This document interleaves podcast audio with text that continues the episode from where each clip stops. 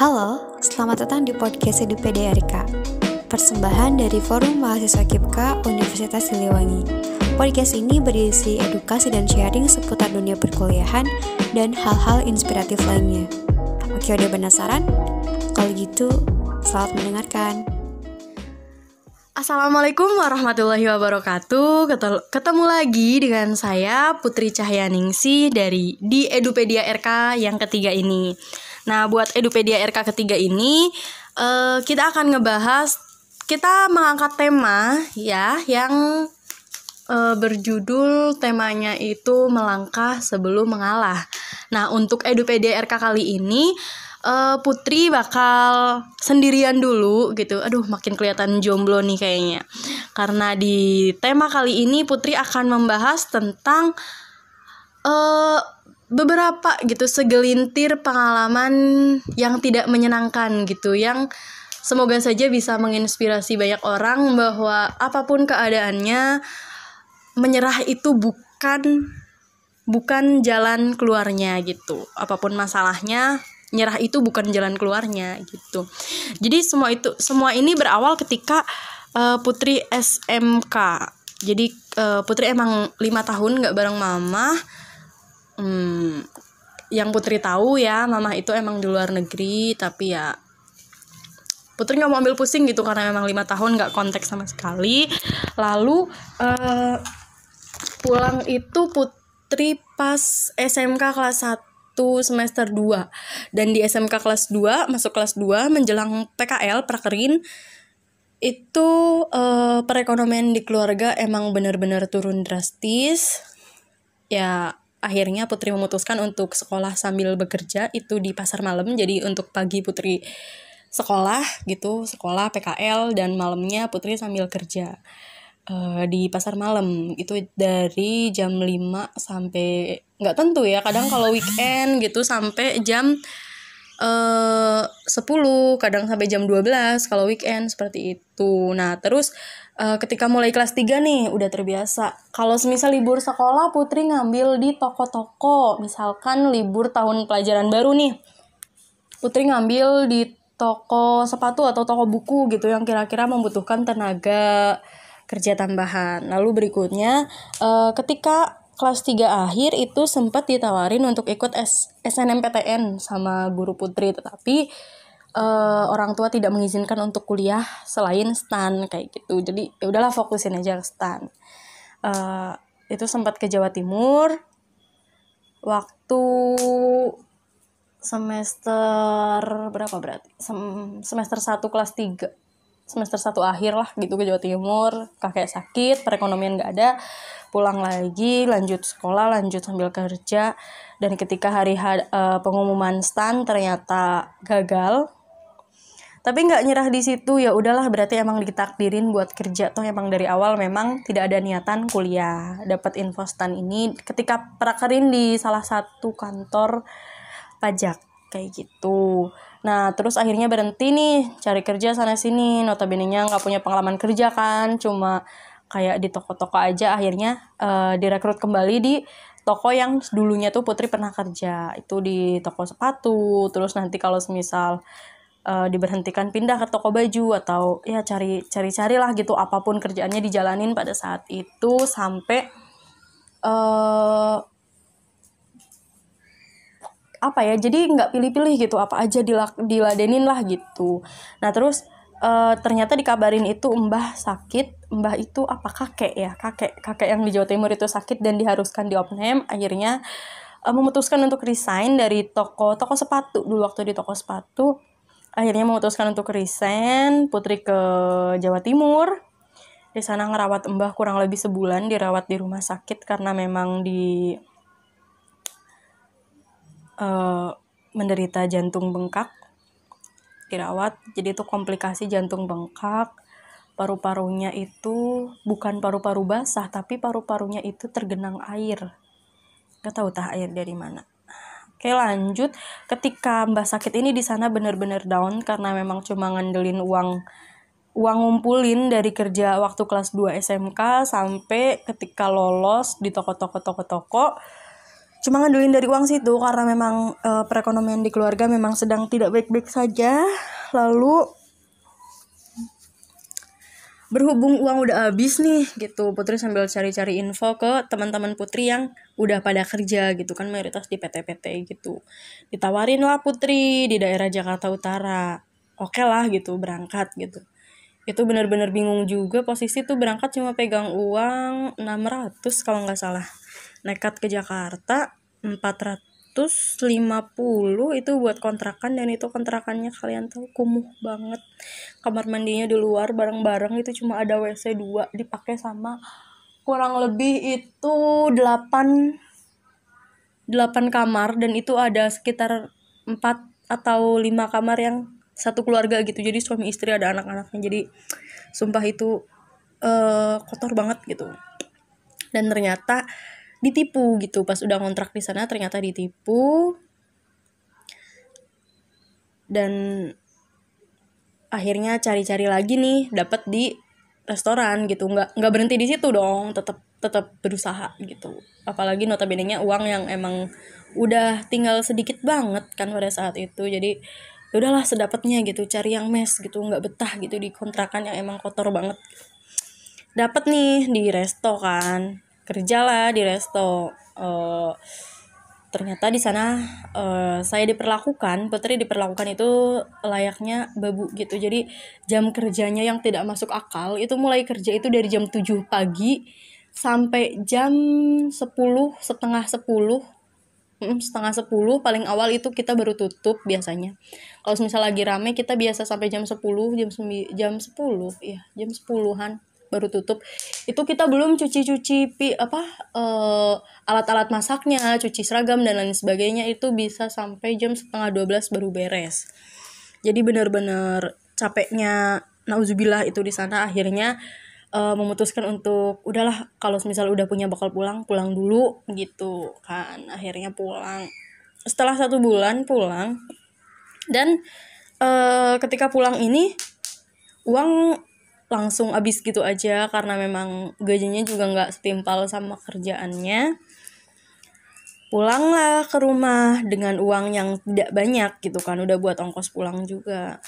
Hmm, akhirnya uh, di rumah bingung lagi nih sambil kerja lagi kan ngikut lagi di pasar malam karena emang alhamdulillahnya udah ngeklop nih sama orang-orang yang pasar malam. Ikutlah kerja di pasar malam ini gitu sambil cari-cari kerja gitu. Niatnya mau kerja di uh, minimarket di putri sebut merek aja ya di Alfamart. Nah tapi ketika mau tes itu kakak kecelakaan anak gua. Uh, akhirnya Putri yang ngurusin administrasi di rumah sakit Ciamis nggak jadi tes dan Putri coba daftar lagi ke salah satu tempat bimbel bimbel calistung gitulah uh, tetapi uh, trainingnya itu satu bulan dan Putri udah udah tiga minggu lebih training. Kan untuk perjanjian itu training pun tetap digaji tetapi cuma 75 persennya. Nah Putri ini udah tiga minggu lebih training tetapi terus jatuh di daerah uh, Sidarja di Cilacap. Jatuh. Uh, tiga hari Putri nggak masuk. Tiba-tiba komunikasi komunikasi sama trainernya terkomunikasi gitu bilang jatuh ini ini ini nih. Udah nggak apa-apa istirahat dulu. Nah dua hari kemudian di hari ketiga putri istirahat dia dia memutuskan kerja sama gitu. Jadi udah ya kerja samanya sampai sini aja gitu. Dan aku ngarepin gaji dong dari sana karena memang pada saat itu yang sangat dibutuhkan ya uang gitu. Yang nggak bohong juga sih gitu. Kalau semisal ada orang bilang eh bahagia nggak harus pakai duit kok gitu. Makanya uang bukan segalanya gitu. Iya uang bukan segalanya tapi segalanya butuh uang lah gitu. Realistis aja. Akhirnya uh, resign lah Putri. Terus ditawarin di Jakarta karena memang ada yang Putri bilang gitu. Emang di kampung kelihatannya ngapain aja. Kemarin ikut training gitu di tempat bimbel anak-anak. Cuman uh, sakit terus nggak dilanjutin. Putri bilangnya gitu terus ditawarin lah di ngajar di salah satu TK di Jakarta Jakarta Utara Sukapura. Uh, di Jakarta Utara.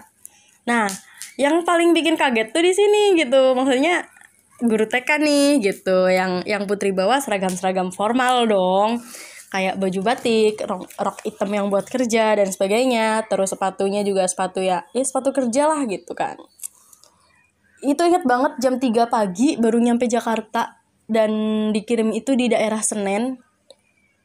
Itu paling ruangan sekitar 3 meter persegi mungkin ada meja dan lain sebagainya. Dan itu bannernya bukan banner apa ya papan di depan rumah tuh gede banget. Uh, penyaluran ART wah ditipu lagi nih firasat udah jelek dong. Tapi ternyata memang dikirim ke tempat TK bener. Cuman mm, nggak dikhususkan untuk bener-bener mengajar gitu. Jadi kita juga kayak nyiapin makanan buat anak-anak. Jadi makan siang di sana tuh emang kita yang nyiapin dikasih sama pihak sekolah. Nah baru sekitar satu minggu itu sering banget uh, mungkin putri bisa dibilang tuh kayak dicekokin gitu dicekokin tentang ini nggak maksud menyinggung agama mana pun enggak ya. Ini mah cuma ya sharing pengalaman aja gitu. Kan putri putri ini muslim gitu di sana dicekoki uh, kan awalnya itu cuma diajarin bahasa Mandarin. Nah ke sini sini diajarin lah gitu tentang kekaisaran dan lain sebagainya gitu. Dan terus uh, setiap kali setelah pertemuan putri selalu dibilangin sama tukang bersih bersih sekolahnya uh, kalau abis kumpul jangan lupa sholat terus syahadat kata dia. Panik dong. E, berhubung belum terlalu akrab pas jalan dua minggu minggu kedua putri berani nanya ini gitu. Sebenarnya itu yang dia ngomong Mandarin tuh apa gitu kan. Itu kalau semisal di agama Kristennya ya dibaptis lah gitu. Kita kayak dimasukin ke agama mereka gitu. Kan emang ditanyain nama putri nama orang tua putri uh, tanggal lahir dan lain sebagainya. Kaget dong gitu. Loh kok kok gini gitu kan. Akhirnya uh, resign lah Putri. Nggak Putri sebelumnya tuh sempat nanyain ke si ibu yayasan si ibu yang punya yayasannya. Bu mohon maaf nih bu. Ibu pas interview juga tahu kan saya muslim gitu. Ketika ibu tidak membolehkan saya berhijab di lingkungan sekolah ini oke okay lah saya bisa terima itu. Tetapi uh, ketika ibu mau ikut sertakan saya ke ritual-ritual di kepercayaan ibu, mohon maaf bu, ini sudah menyalahi. Ya intinya komplain lah ya, tapi ternyata tidak didengar sama sekali. Ya mungkin didengar, tetapi uh, dibantah gitu, malah dimarahin lah gitu-gitu. Akhirnya uh, itu saya bilangnya Putri bilang itu malam-malam beres kerja beres ngel nggak senam. Kita itu tiap malam senam. Jadi memang kesehatannya itu diutamakan banget karena memang anak-anak kan aktif banget ya. Jadi emang harus benar-benar ngejaga. Itu jam sembilanan kayaknya.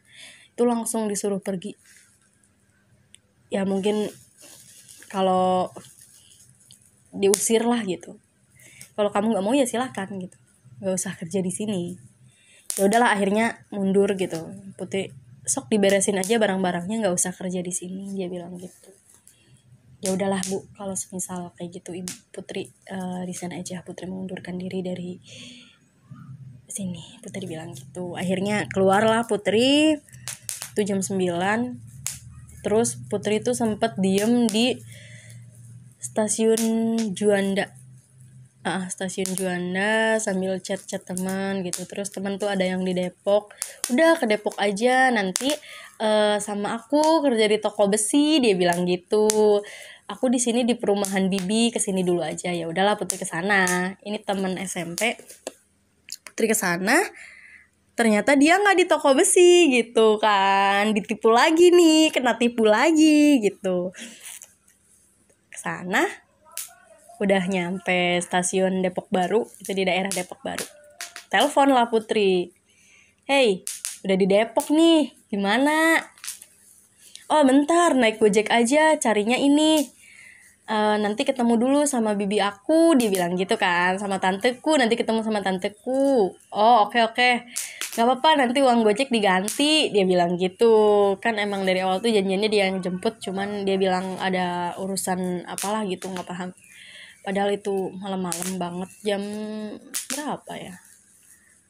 Hampir pagi. Mohon maaf hampir pagi ya. Hampir pagi kayaknya lupa lagi. Tapi masih gelap sih keadaan masih gelap akhirnya ke sana lah ke rumah bibinya bener di perumahan. Bibinya ini eh tantenya ini bener gitu kan. Sok istirahat dulu put. Mau makan dulu makan aja. Istirahat dulu aja tapi oh ya oke okay lah gitu. Istirahat lah. Uh, Chinese juga tapi dia ngizinin aku sholat ngizinin buat ke masjid gitu. Uh, setelah sudah keesokan paginya nih Putri nanya dong gitu. Toko besinya di mana? Mulai kerjanya kapan? Nanti sistemnya gimana? Uh, put ternyata yang di toko besi udah nggak ada gitu kan. Uh, ini mah di daerah di daerah Kalideres bukan di sini. Putri mau nggak di sini bantuin beres-beres di Budian? katanya. Budian siapa? Tantenya tante katanya. Lah tapi ditawarnya di toko besi bukan bukan bukan di bukan di perumahan bilang gitu kan. Lah tapi si itu bilangnya katanya kamu siap di perumahan. Uh, tante juga udah transfer uang uang jadinya ke dia. Lah kena tipu lagi dong gitu kan. Tapi berhubung emang nggak pegang uang yang di TK juga nggak dikasih uang ya udahlah nggak apa-apa eh, nggak uh, apa-apa tante. Uh, sementara aja mah putri bilang gitu. Mikirnya mah ya udahlah gitu buat buat bakal pulang gitu kan karena emang gak pegang uang. Akhirnya kerja lah tuh walaupun jadi ART kan. Tetapi makin lama kerja makin kepikiran gitu. Makin keinget kata-kata mama dulu waktu waktu masih SD kayaknya. Waktu hatam Quran kan dia pulang. Uh, belajar ngaji yang benar belajar di sekolah yang benar. Uh, mama nggak mau putri nanti kerjanya kayak mama dia bilang gitu jadi kepikiran kan aduh gue udah sekolah capek-capek gitu kan. Makanya orang tua udah bayarin mending tulang buat bayarin sekolah tapi malah ujung-ujungnya jadi ini juga gitu. Ini nggak nggak bermaksud merendahkan pekerjaan uh, asisten rumah tangga gitu. Tapi kan dari mama mama putri pribadi tuh kayak yang ayolah kamu tuh uh, harus jadi anak pintar biar nggak kayak gini gitu. Jadi berasa kayak mengkhianati ibu sendiri gitu kan. Akhirnya uh, di sana baru 10 hari kayaknya Putri bilang gitu uh, ya karena emang Mbah sakit juga jadi harus ke Jawa Timur Putri bilang. E, Bu uh, kakek Putri sakit. Sebelumnya makasih udah dikasih kesempatan buat ikut tidur ikut makan di sini. Tapi kakek putri sakit jadi putri mau ke Jawa Timur aku bilang gitu kan. Dan alhamdulillahnya itu dikasih uang buat ke Jawa Timur sama dikasih yang buat gaji aku. Yang buat gaji putri jadi itu Budina Budian itu tuh baik banget orangnya pulang lah. Pulang kan. Pulang bingung lagi kan karena emang gak punya duit gitu. Akhirnya mencoba keberuntungan di ikut ke pasar malam dulu beberapa hari kayaknya. Terus daftar nih di salah satu modal nekat sih.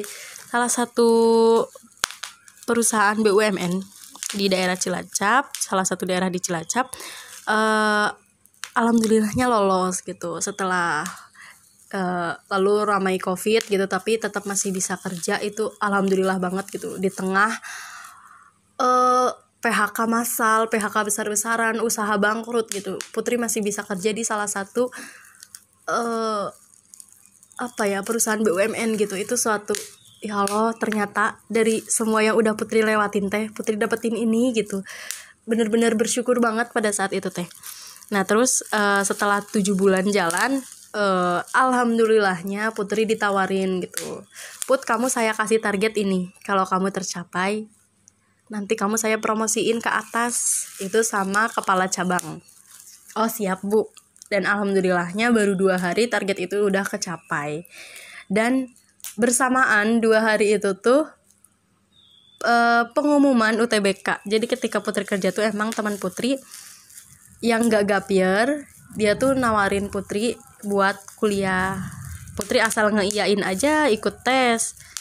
Uh, dan pada saat bingung dong gitu gimana put? Udah capai target belum gitu? Udah bu. Tapi Putri juga lolos kuliah bu. Kayaknya Putri mau resign aja gitu. Memutuskan untuk kuliah aja gitu kan. Kamu mau saya promosiin loh put kata dia kan. Kamu udah saya percaya kamu udah saya kasih amanah. Kenapa malah milih kuliah? gitu stan nggak buka bu. Mungkin Tuhan ngasih jalan lain gitu. Tahun ini stan nggak buka.